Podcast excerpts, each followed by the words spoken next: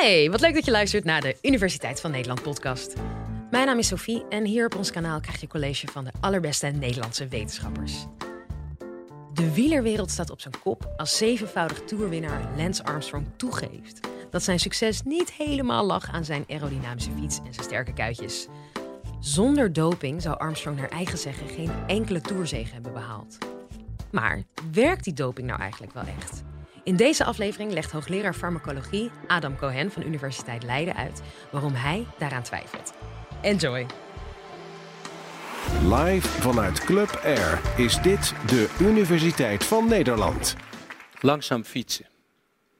Waar zou dat door komen? Hoe zou je ervoor kunnen zorgen, en daar ga ik met jullie even, gaan we even over nadenken.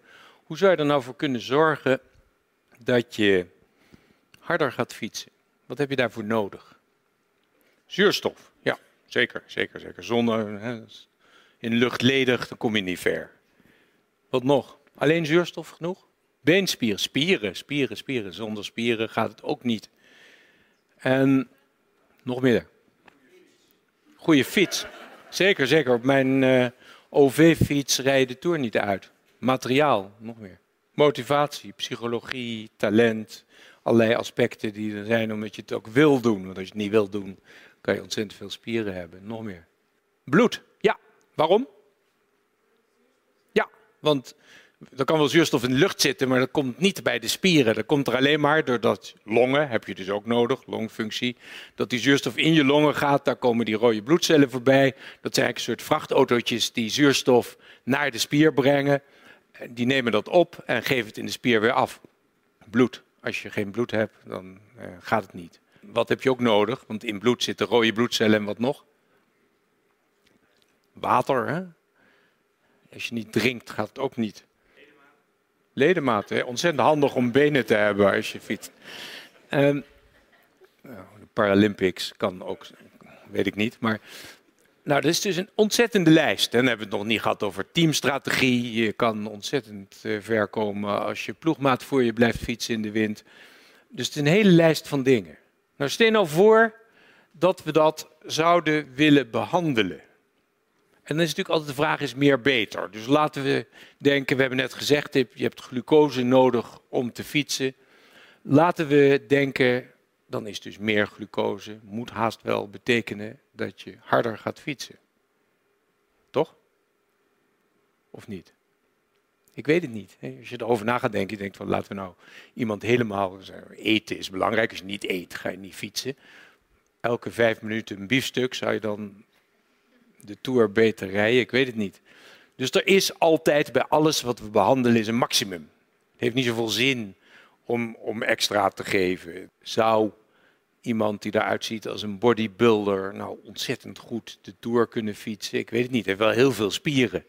Maar ik denk dat hij ze niet zo heel efficiënt kan gebruiken. Bovendien is hij zo zwaar geworden dat hij waarschijnlijk helemaal niet meer omhoog komt. Dus er zijn in al die dingen die je dan probeert te beïnvloeden, zullen maxima zitten. Een spier is een soort fabriek. En als je alle bouwstoffen die een fabriek nodig heeft, ehm, gewoon met een grote vrachtauto voor de deur gooit. Of als je een huis wil bouwen, je denkt het moet sneller. Dus dan laat ik extra vrachtauto's aankomen en die laat ik daar allemaal bakstenen storten. Dan wordt dat huis niet sneller gebouwd, want je moet ook nog meer bouwvakkers hebben. Dus er zitten daar maxima in. Het is heel interessant, want die fabriek die moet dus optimaal gevoerd worden, maar waarschijnlijk niet maximaal. Nou, zou er iets zijn waarmee we dan zuurstof kunnen verhogen? En daar is natuurlijk over nagedacht. Meer zuurstof in de lucht kan niet. Er zit vaak ook minder zuurstof in de lucht als je de Tourmalet opfietst. Dus hoe kunnen we nou zorgen dat er meer zuurstof naar de spier gaat? Nou, daar was spul voor. Want we hebben in het lichaam hebben we een stof en die heet EPO, dat is een eiwit erythropoietine in het Grieks, rode bloedcellenmaker. En die wordt gemaakt in je nieren. Je nieren hebben een sensor zitten. En als er te weinig van zuurstof in de nier aankomt, dan gaat die nier een beetje EPO maken. Dat spul, dat eiwit, gaat door de bloedbaan naar het beenmerg. Daar zitten cellen. En die beenmergcellen die kunnen zich vormen tot allerlei soorten cellen. En in dit geval, als ze EPO zien, dat is weer zo'n receptor. Het is weer zo'n eiwit aan de buitenkant van zo'n cel. Die, daar klikt die EPO op. En dan gaat er een signaal naar die cel, zegt nu moet jij rood worden. En dat doet hij ook. Gaat allemaal rode bloedcellen maken. Krijgen we dus meer rode bloedcellen. Als we genoeg ijzer hebben, zit daar genoeg hemoglobine in. En dat zijn die vrachtautootjes die de zuurstof naar de spier kunnen brengen. Meer zijn ze niet, hè. Ze, leiden tot niks meer. En dat spul gebruiken we heel e- efficiënt bij nierziekte. Mensen die nierziekte hebben, die, die nieren die verschrompelen, die kunnen die EPO niet meer maken. En dan krijgen ze bloedarmoede. En als je ze dat gewoon inspuit, en alle mensen met nierziekte doen dat, die spuiten zichzelf EPO in, dan maken ze net weer genoeg rode bloedcellen om zich prima te voelen. Het is een belangrijk geneesmiddel. Voordat het er was, waren mensen met nierziekte echt in hele slechte staat en dat hebben ze nu niet meer. Het is een belangrijk geneesmiddel en de dokters die wielrenners behandelden, die zagen dat en dachten, daar kunnen we dus misschien wel gebruiken om harder te, gaan fietsen, want dan zit er meer zuurstof in het bloed. Maar de vraag is of dat werkt. Want we weten dat als je dat aan mensen geeft met een nierziekte en je brengt dat hemoglobine, hè, dat rood in het bloed, naar normaal niveau, en zelfs daarboven, dan zou je denken dat die mensen zich steeds beter gaan voelen. Dat is niet waar. En het is nog veel erger. Ze gaan dan in een grotere percentage sterven ze aan allerlei dingen zoals hartinfarcten. Dus het is weer niet zo, hier ook niet zo, dat meer beter is. Dus bij alle dingen, net als bij eten, op een gegeven moment eet je te veel en dan werkt het niet meer. Dus de vraag was of dat bij fietsers wel werkt. Daar hebben wij naar gekeken.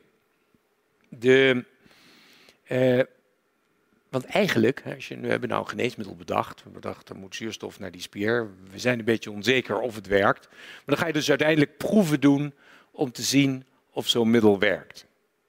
Nou, eigenlijk, als je gaat kijken in, in alle wereldliteratuur, dat hebben we gedaan, dan is er bitter weinig bewijs dat EPO werkt om harder te gaan fietsen. Er is één ding wat het een beetje doet. Als je ongetrainde mensen of relatief ongetrainde mensen op zo'n fiets zet, zo'n inspanningsfiets, en je laat ze fietsen en je, zet hem, je maakt het steeds zwaarder en zwaarder en zwaarder, dan op een gegeven moment dan kan je niet meer. Iedereen krijgt je dan kapot. Duurt ongeveer 20 minuten, ook voor een, voor een topfietser, die, een toprenner, die kan in 20 minuten is die eh, kapot. Die tijd tot dat moment, die wordt iets langer.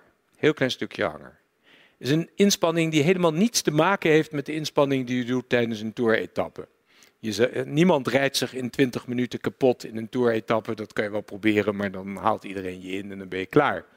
Dus eigenlijk weten we dat in, in de gemiddelde wielren etappe nooit iemand, misschien een paar procent van de tijd, zit hij op zijn maximale hartfrequentie. Dat is het moment dat je dan nog net een beetje extra zuurstof nodig kan hebben.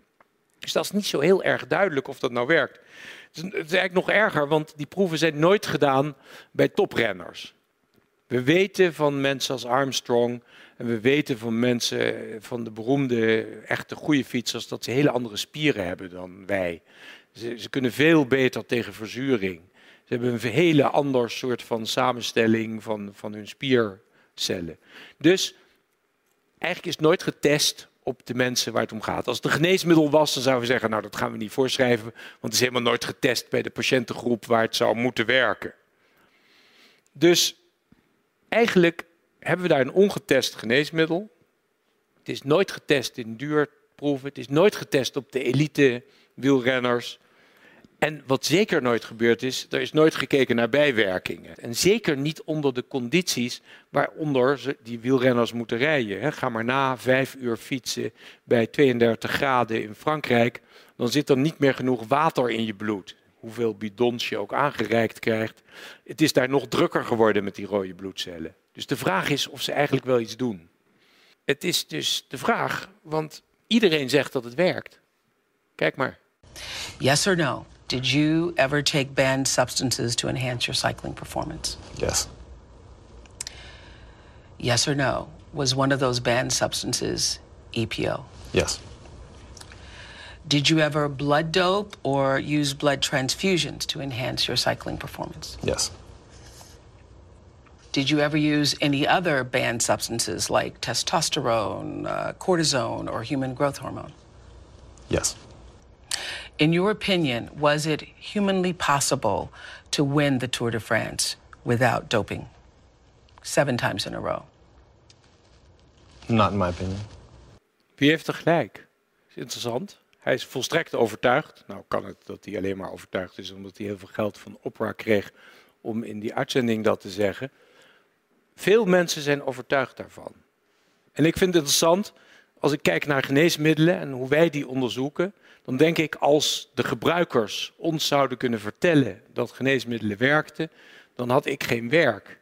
Ons werk bestaat uit op hele gecompliceerde manieren kunnen we met enige moeite aantonen dat zo'n geneesmiddel werkt. Daar moeten we allemaal proeven voor doen met placebo's en controles. En dat geldt eigenlijk voor alle geneesmiddelen. En als mensen zeggen dat ze werken, als ze dat zeggen, is het heel vaak niet waar. En we zien hier dus een mix van wat ik ook al eens een keer eerder heb laten zien, in een eerder college, zien we het mix van die, die magie. Hè. Er is om ons heen de geneesmiddelen van duizend jaar geleden die we nog steeds gebruiken en die niet werken. En dingen die heel erg goed werken. En dat is bij elkaar gekomen in de sport. Het is dus de vraag of je kan zeggen dat omdat iemand vindt dat het werkt, dat het werkt. Nou, voor alle andere geneesmiddelen geldt dat niet. En is de vraag waarom het voor doping nou eigenlijk wel geldt. Toch gebruikt iedereen het. En dat komt denk ik door hele andere dingen. Het komt door angst, het komt door groepdruk. Het komt voor een deel omdat die geneesmiddelen op de dopinglijst zijn gezet. Harm Kuipers heeft wel eens gezegd: de beste manier om iets te laten gebruiken in de sport is het op de dopinglijst zetten. Dan denkt iedereen, nou ja, het zal wel werken. Je mag, op, kijk maar eens een keer op die dopinglijst op internet, je mag eh, niet fietsen als je cannabis hebt gebruikt. Ik zou zeggen, als je zin hebt, rijd die Tour stoned. Dat is geen enkel probleem. Ik denk niet dat je wint. Uh, en op de dopinglijst staat ook dat boogschutters mogen geen alcohol gebruiken. Nou, dat begrijp ik dan wel weer. Want een dronken boogschutter, daar kunnen toch hele vervelende dingen gebeuren. Dat is dus nooit onderzocht. We hebben eh, twee jaar geleden in Leiden het Forbidden Fruits onderzoek gesuggereerd. Dat is een onderzoek waarbij dat nou eens in één keer werkelijk ging gebeuren. Dus we hadden voorgesteld dat semi-professionele wielrenners EPO zouden krijgen onder hele nauwkeurige controle. En dat we het onderzoek zouden afsluiten met een tour-etappe. Placebo en EPO en wie gaat er winnen. Onze voorspelling was dat dat niet uit zou maken. En als dat gebeurd was, dan zou je dus iets heel handigs hebben. Want er waren twee mogelijkheden. Stel dat EPO geweldig goed werkte, Nergens is daar aanwijzing voor, maar stel dat het zo was, dan zouden we het ook medisch moeten weten. Want dat is heel goed om mensen hun prestatie te verbeteren. Maar steeds voor, grotere kans, dat het niet werkt. Dan kon je in één keer kon je met dat hele spul ophouden. En dan kon je dus al die miljoenen die nu uit worden gegeven aan controles, het achter de broek zitten van mensen, grote labs die maar de hele tijd die A en B urinestalen aan het analyseren zijn. Al het gedoe kon je in één keer mee ophouden. Wij dachten dat dat een mooi onderzoek was. We hebben het voorgelegd aan de Nederlandse eh, wetenschappelijke organisatie NWO. En die hebben teruggestuurd en gezegd dat ze het onethisch vonden om te doen. Wat vond je van dit college? Laat het ons weten en schrijf een review in je podcast-app. Vinden we leuk en daar worden we ook beter vindbaar van. Volgende keer een college over de natuur. Ik ben Sofie Frankemolen en heel graag tot de volgende.